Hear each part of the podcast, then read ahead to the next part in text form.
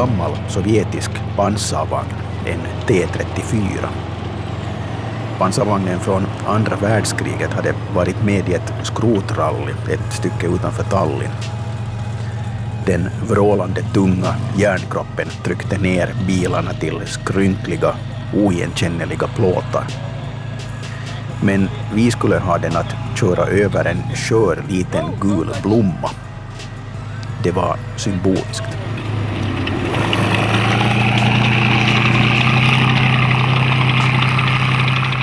Det var vått och lerigt och vi förhandlade länge för att få pansarvagnens ägare att för pengar köra 15 meter medan vi filmade.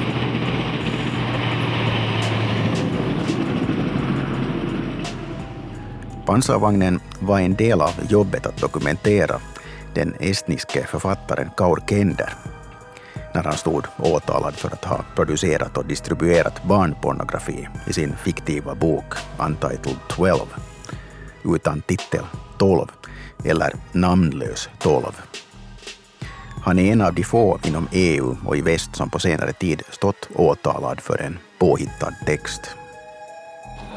I feel like really, really violated that I have to go the lengths to, to prove that I'm a writer, that I'm sane, that I'm not guilty, that all these kind of things. Like I've been, I've been working and proving.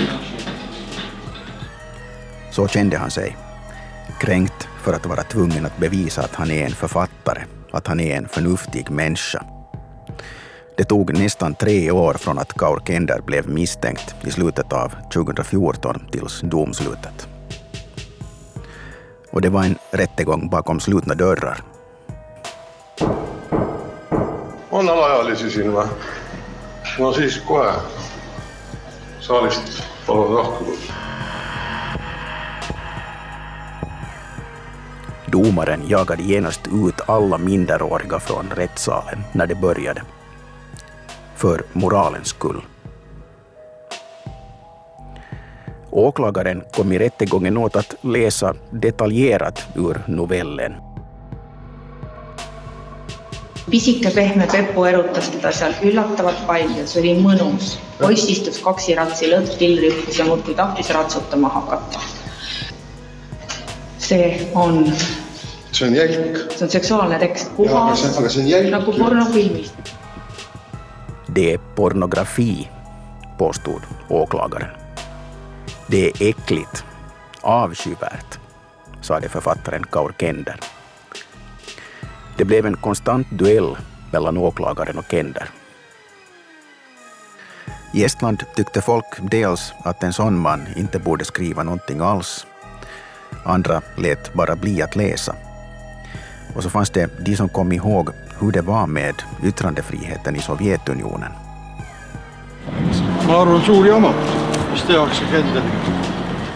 Det är förkastligt vad de gör mot Kender, sade en gammal man som skyndade vidare nerför trapporna alldeles invid i Frihetsmonumentet i centrum av Tallinn. Rättegången blev en studie i litteraturvetenskap bakom slutna dörrar med Estlands främsta litteraturvetare som förklarade vad litteraturen är idag. It's not pornography. Uh, and uh, uh, now they're looking for other ways uh, to kind of, uh, of lessen his credibility. And uh, the, this, is, this has a sort of a Soviet stink to it. They really uh, were sort of surprised and amazed and befuddled and bewildered that uh, this is not an isolated case of, of someone just having gone mad and written something so perverse. Litteraturvetarna sade att det luktar som Sovjet. Och åklagaren var på riktigt överraskad att det inte handlade om ett enskilt fall där någon förlorat förståndet och skrivit någonting så perverst. Försvarsadvokaten fick nog och sa det rakt på sak. Because they don't like free press, uh, they don't like free thinking, they don't like free, uh, uh, free literature. They want everything to be under control. De som kommit med åtalet, De vill inte ha yttrandefrihet. De vill inte ha någon fri press. Ingen fri litteratur. Det handlar om kontroll. Och Kender då? Han har under årens lopp figurerat i rubrikerna på de mest olika sätt.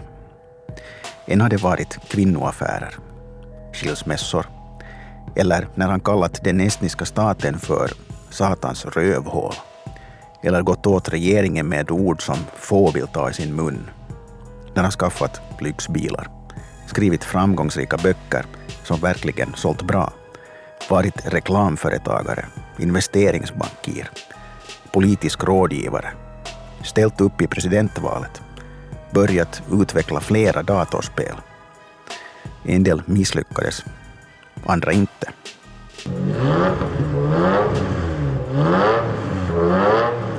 Eller den gången när utmätningsmännen for iväg med hans Ferrari.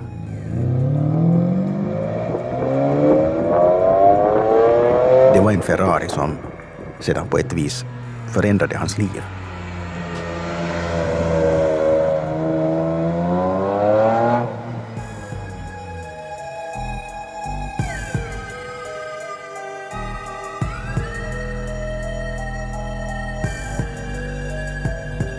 Du lyssnar på dokumentären Fallet Kaur Kender av mig, Bo Ahlgren.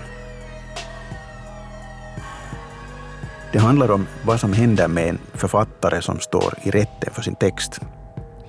Och jag blev god vän med Kaur Kender under de fyra år jag följde med hans fall. Men i ett skede i fjol blev det helt tyst. Han försvann i London Estlands ständige kritiker och aktivisten i alla sociala medier. Han blev helt tyst. Vad hände egentligen? Och hur gick det sen?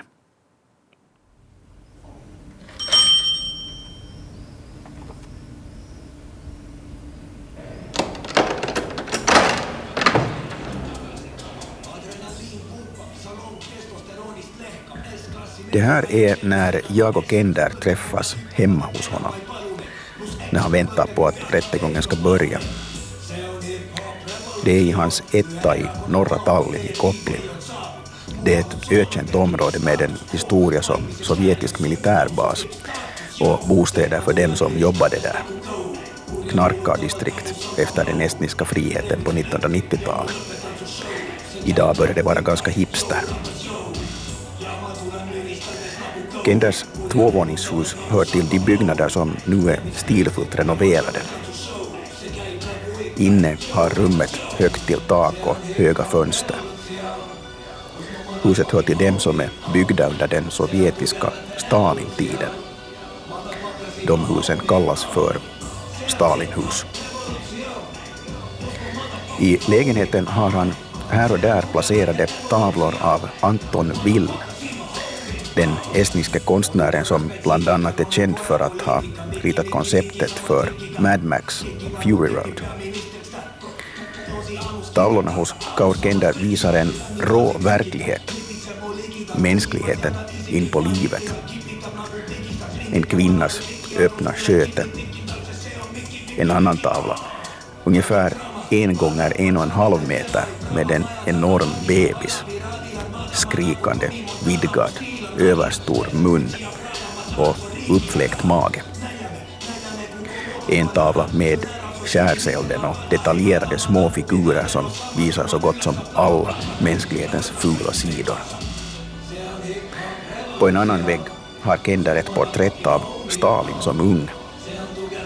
Och uppe på loftet ovanför kökshörnet en stor amerikansk flagga.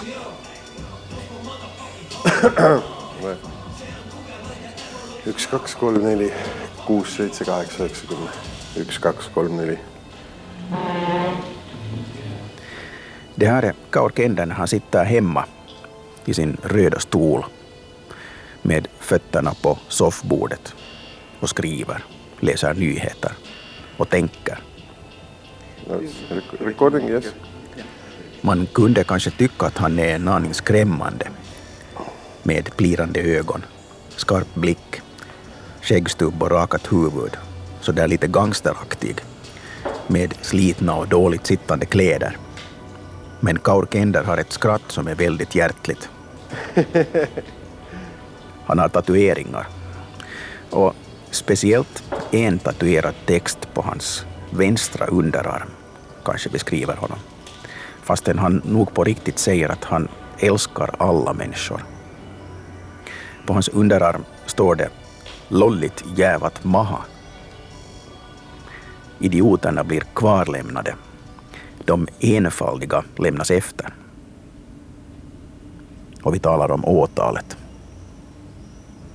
So I wrote a short story about porn addict, uh, porn and sex addict. And I wrote it to show how his addiction gets worse and worse and worse. He has to like kill much more younger kids. He has to rape like much more younger persons and in much more bigger volume. That first he's satisfied when he kills one.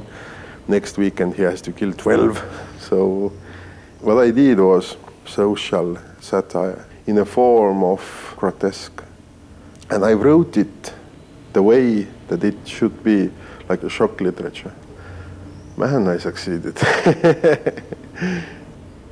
Det lyckades verkligen att skriva grotesk social satir som chocklitteratur med en huvudperson som är både porr och sexberoende, som måste mörda och våldföra sig på allt yngre och fler personer. Hur hans beroende blir värre och värre. För det är så Kender skriver, transgressivt och hårdkokt, om det fula i mänskligheten.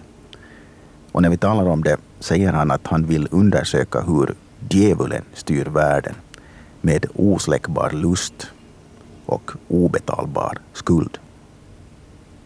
So if you have like, if you have a lust, if you have like, if you if you if you want to do, if you're ready to do whatever to quench your lust, but you can't, and if you have like, if you if you are money rich as this character in, in my in my short stories. So if you combine these, it's, it's like not nuclear bomb. So it it's, it explodes. It, it, it exploded also in Estonian court system or, or whatever its prosecutor office. Det liksom exploderade i Estland och hos åklagaren. Om du har osläckbar lust och obegränsad tillgång till pengar som hans huvudperson i Namnlös 12, Untitled 12, så blir det en kärnkraftsexplosion. Kaur Kenders texter är rakt på sak, utan ursäkter, med detaljerade beskrivningar. Han följer fotspåren efter William Burroughs och till exempel hans bok Naked Lunch. Dashiell Hammett, Marquis de Sade och de andra som blivit beskyllda för lagbrott, suttit i fängelse och varit anklagade för att inte passa in i samtida normer. Hans första bok, han publicerade i slutet av 1990-talet, Självständighetsdagen, var en av de första i Estland som beskrev familjevåld och med väldigt detaljerade beskrivningar av våldet. Hans böcker har alltid varit provokativa med våld, knark, prostituerade och gangstrar och kritik. Så hans stil att uttrycka sig har länge varit välkänd i Estland. Han talar lugnt och eftertänksamt, men man kan se hur det kokar där under för att han fick åklagaren på nacken för någonting han skrivit. But in, in essence it's white paper and black, black uh, letters. So they are suing uh, alphabet. I don't know. They are fighting against alphabet. They are fighting against words, uh, against vocabulary. They don't know for what they want to punish me. That I use them in certain sequence. I grund och botten är det svart färg på vitt papper. De åtalar alfabetet, slåss mot ord, mot vokabulären. Vad vill de straffa mig för? för att ha använt bokstäver i en viss ordning? frågar Gender. Och hur blev det så här?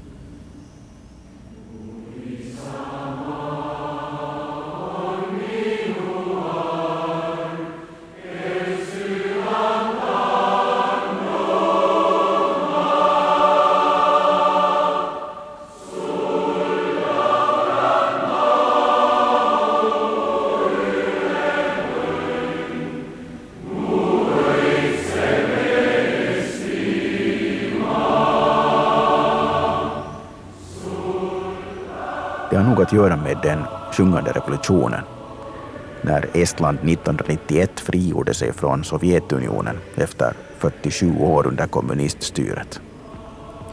Pansarvagnarna körde den gången ut ur landet. Kampen mot förtrycket byttes ut mot en kamp om egendom, pengar och överlevnad. Det blev en speciell tid för dem som levde i ett land som till en början saknade lagstiftning, ekonomi. I praktiken saknades så gott som allt. Så det blev att klara sig så gott det går. Det blev en speciell tid även för den då 20-årige Kaur Kender.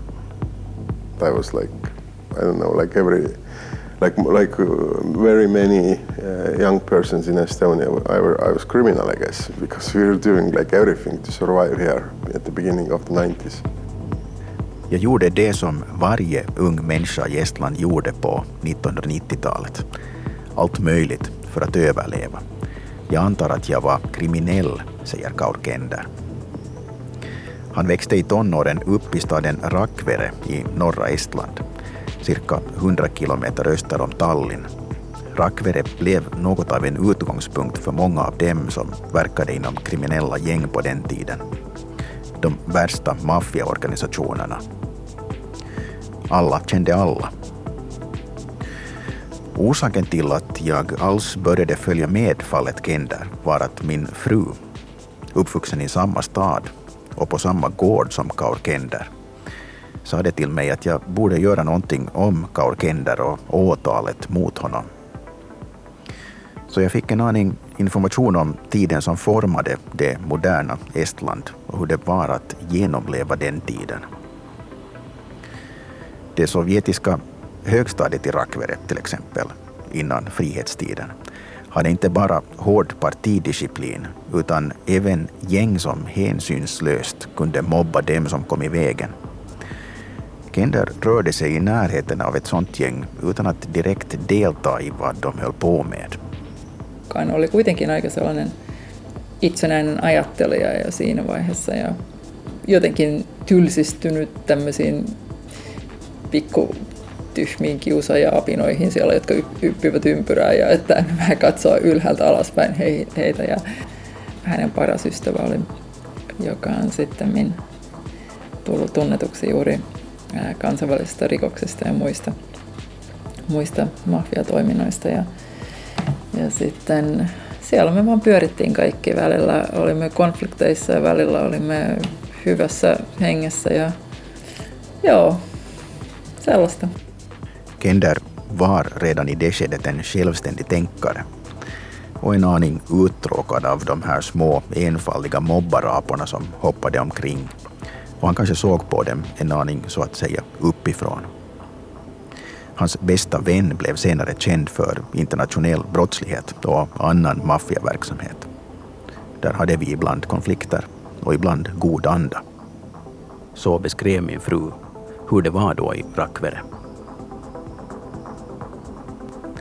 Det var inte ovanligt med maffiarelaterade mord i Estland under det första fria årtiondet. Det genomfördes till och med bombattentat. Det gick vilt till innan 2000-talet kom och det lugnade ner sig i samhället. Människor tog chanserna som fanns i ett nytt land på olika sätt. Kaur Kender gjorde även han ett medvetet val. Before, and then at one point I realized that I don't want to be a criminal. I don't want to go I don't know, jail or I don't want to kill people. That I want to do something different and I, I was really into uh, reading and studying uh, like art history and, and philosophy and stuff like that. So uh, advertising agency seemed like very logical, like I don't know, job. Uh, I, I was there. It's like maybe creative director or copywriter. I didn't know how to write or create, but they hired me. So I'm eternally grateful for that. I något skede beslöt han sig för att han inte ville vara kriminell. Han ville inte i fängelse. Han ville inte döda någon. Kender ville göra någonting annat och var intresserad av att läsa och studera konsthistoria och filosofi. Så en reklambyrå blev det logiska valet som art director, fast han inte visste hur man skulle skapa och skriva. Men med evig tacksamhet minns han dem som trodde på honom så att han fick jobbet.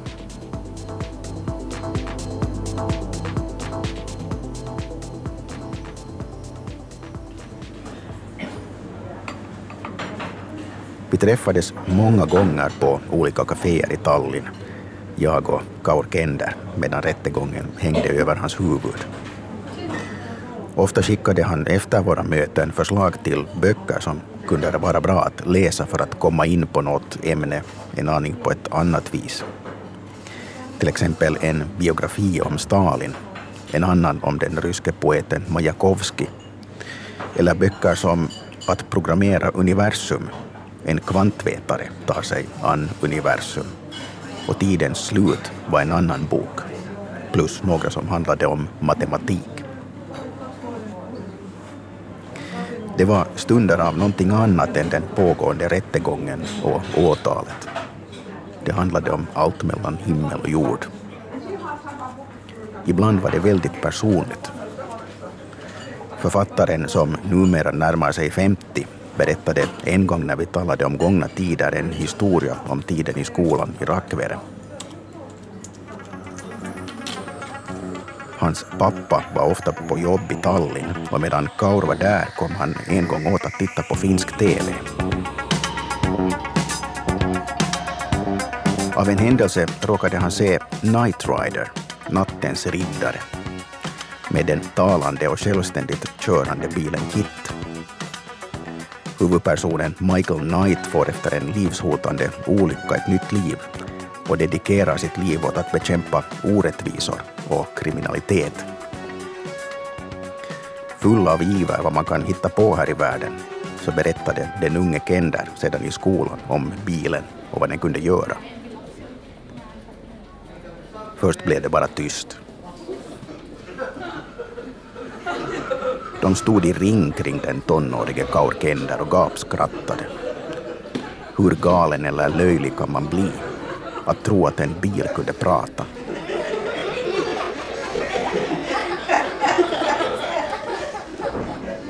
Han sprang till den närmaste telefonen han hittade och ringde till sin pappa som var i Tallinn och bad honom att komma för att ta honom bort därifrån, från skolan och Rakvere.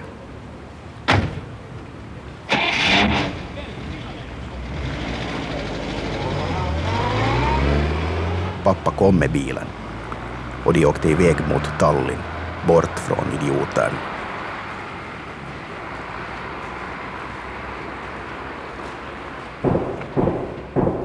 sest tegelikult, kui on kirjutatud sinna, et on olnud nagu trauma ja, ja süüdistatav ütleb, et traumat ei ole olnud, et minul tekib nagu see küsimus ikkagi, et ja, ja Det här är rättegången i Tallinn i maj 2016, dag 8. Åklagaren ville att Kaur Kender ska skickas till psykiatrisk undersökning. Kender och försvarsadvokaten hör i sina sinnen ekot från Sovjetunionen. prokuratuur on see, kes taotles kinnist istungit ja siis äh, rõõmsalt äh, teatas sellele avalikule saalile siin, et Kenderil on psühhopatisatsioon. Här opponerar sig Kaur Kenders försvarsadvokat Paul Keres mot att åklagaren offentliggjort en gammal psykologundersökning trots att åklagaren ville ha rättegången bakom slutna dörrar.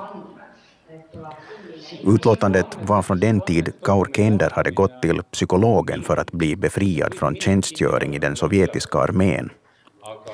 Den armé som var välkänd för övergrepp mot dem som tjänstgjorde. I Estland var det många som då gick till psykologen.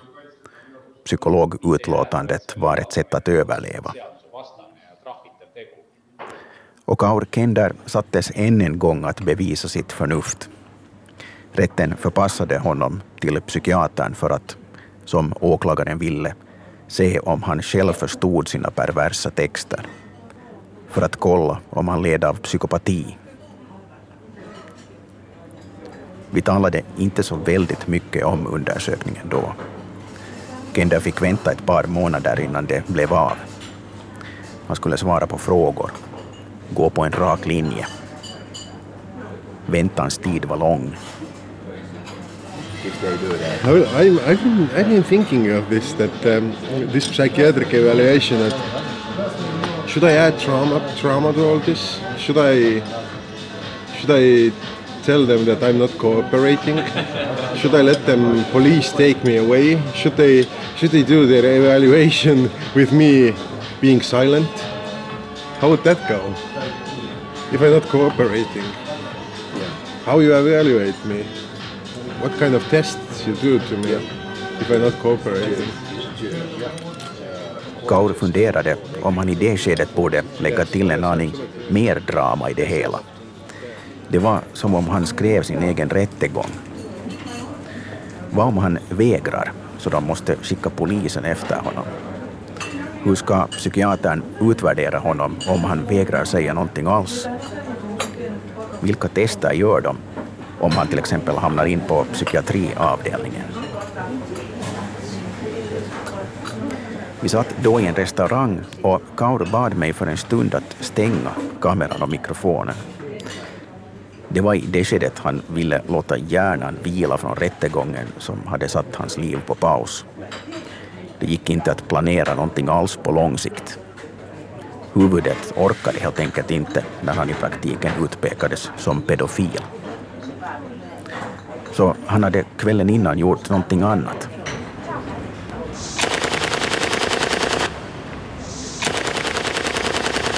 Hans gode vän Andros Elbing som gått från fängelse till populäraste rapartisten i Estland med artistnamnet Babylöst, bebisansiktet.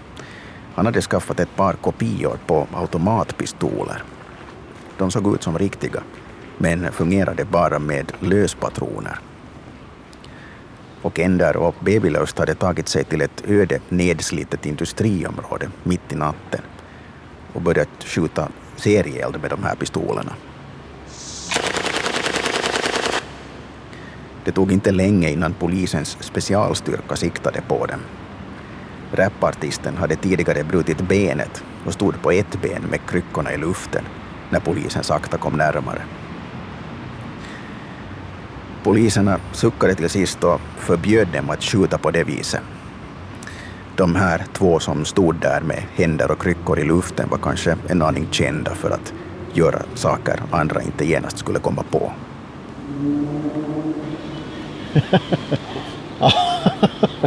this is right, like the real thing. Yeah, and it shoots like. Ah, great. like Every, so every- it has everyone- automatic fire. Okay. it's, it's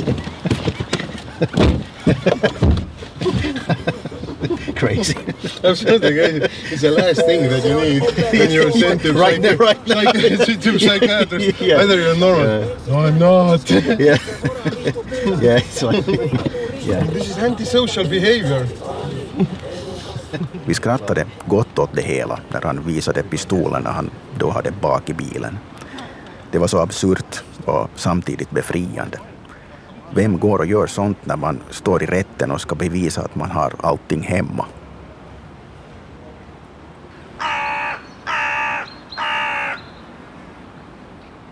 Det må vara att Kaur Kenders upptåg bretts ut i skvallerpressen under alla år. Hur han gått från reklammakare till författare, reste omkring världen som investeringskonsult, hamnade in på sjukhus för alkoholförgiftning, sade uppriktigt fuck you åt politikerna när han fick nog av att vara rådgivare för dem. Eller när han blev aktivistbloggare på webbsidan nihilist.fm och kämpade för knarkarnas rättigheter och medborgarskap för alla, även för alla ryskspråkiga i Estland. Hans läsare ställde alltid upp och kom i mängder när han var någonstans för att berätta om sina böcker. Och under rättegången besökte han skolor för att diskutera problematiken kring texten han stod åtalad för. Kender mötte sedan rättspsykiatern som bekräftade att Kaur Kenders förnuft är helt okej. aga noh, see, see selleks, et ma saan teile vastata, see praegu käib juba või? no kindlasti on tegemist Eesti Vabariigi jaoks ainulaadse kohtuprotsessiga. Åklagaren hade i det skedet gått med på en längre intervju än att säga att det var ett unikt fall för Estland. Men åklagaravdelningen slutade svara på förfrågningar när domstolens avgörande började närma sig. Själv hade Kender hela tiden väntat sig ett fängelsestraff på upp till tre år. Över 95 procent av dem som får ett åtal i Estland blir också dömda. Men tingsrättens domare slog fast att Kaur Kenders Untitled 12 namnlös 12 är litteratur. Det är inte pornografi och strider inte mot den estniska lagstiftningen som förbjuder spridning av pornografiskt material som visar eller beskriver barn. Åklagaren gick vidare till hovrätten som än en gång befriade Kender från åtalet hösten 2017 men den här gången för att han skrev texten när han var i Detroit och publicerade den på en server som fanns i Storbritannien. Så Estlands lagstiftning har inget med texten att göra. Må vara att Kender skrev på estniska. Slut på fallet Kender. Nästan.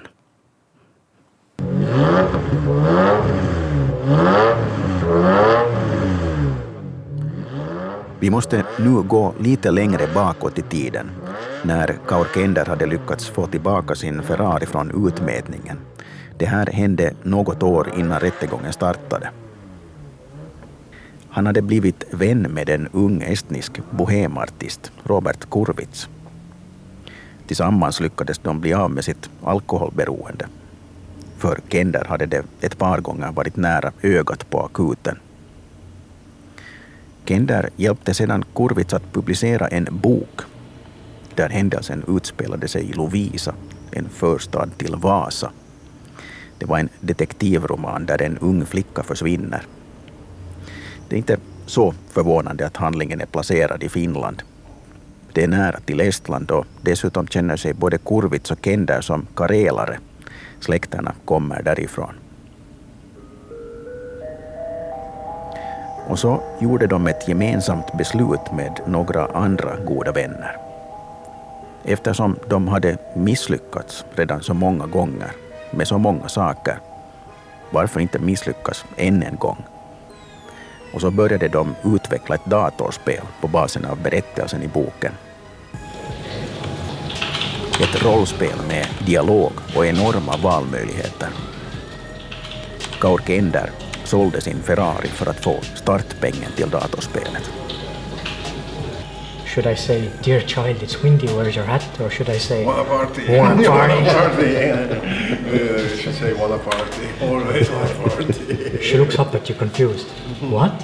I say it. Say it again louder. She might not have heard you over the wind. Do you want to party? yeah, I heard you, but what do you mean by party? I mean, we get drinks. Ett par år efter att Kender hade sålt sin Ferrari så hade de hittat ett gammalt hus i Gamla stan i Tallinn för sin spelstudio. 15 personer satt där och utvecklade grafiken, storyn, dialogen och spelvärlden. Kaur visade mig studion och hur de gjorde det. I det skedet hade spelet arbetsnamnet No Truce with the Furies. Inget vapenstillestånd med furierna. Furier eller erinjerna är hämndgudinnor i grekisk mytologi. Och Kaur Kender hade gjort sin research Datorspel är globalt sett större än filmbranschen och tillsammans är branscherna enorma. This is the first you're going to build larger and then film. film. Yeah, what, what, what we aim actually is that to make it bigger than the Star Wars. so franchise, money-wise. Money-wise, yeah. Intellectually, artistically, it, it already is bigger than Star Wars. Much bigger, yeah, but, but we, we want to make it money-wise also bigger. Yeah, yeah. Det här ska bli större än Star Wars, sa Kaur Kender där han satt i deras spelstudio i Gamla stan i Tallinn. Jag visste inte vad jag skulle säga. Var det provokation? Trodde han på riktigt på det? Och hur många spel hade egentligen misslyckats på vägen?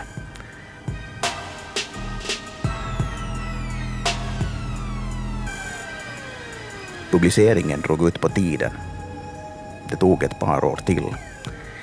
Men Kaur Kender hittade mer finansiering. Speldistributörerna blev intresserade och redan medan rättegången pågick tog han sitt pick och pack med familjen och flyttade till London. För det är där pengar finns för sådana här spel, sade han då vid den tiden. I ett skede av rättegången hade han varit så gott som helt pank när advokaträkningarna hopade sig. I Estland skrev tidningarna om att hans spel i det skedet hade gjort av med hela 700 000 euro.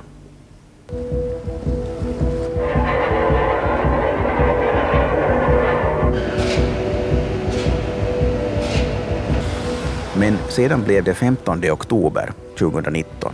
Spelet publicerades på en av de största spelplattformarna i världen. Och spelet hade fått ett nytt namn av kompisgänget från Tallinn. Nu hette det Disco Elysium.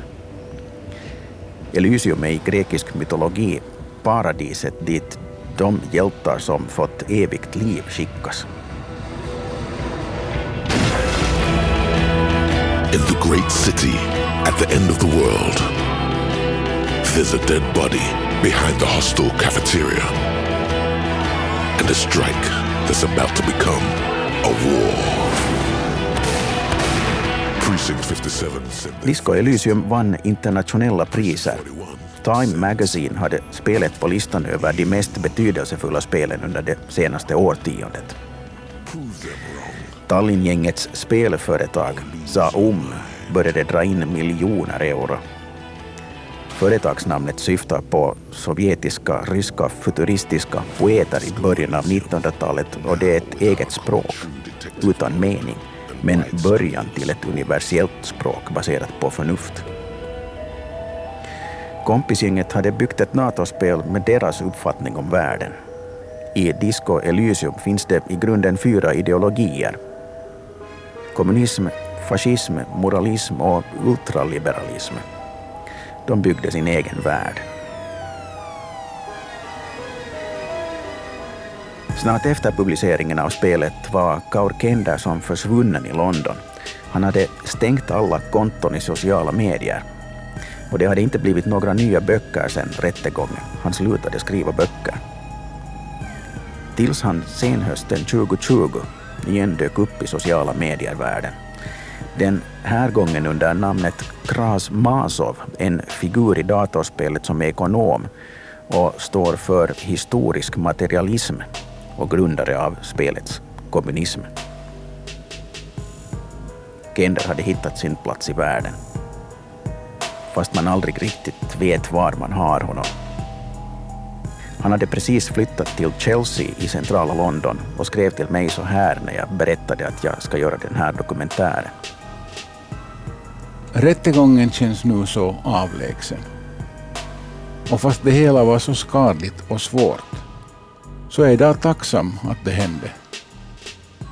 Sparken i baken gav mig energi att komma hit och förändra mitt liv. Jag har förändrat mig mycket. Från 126 kilo till 90 kilo till exempel.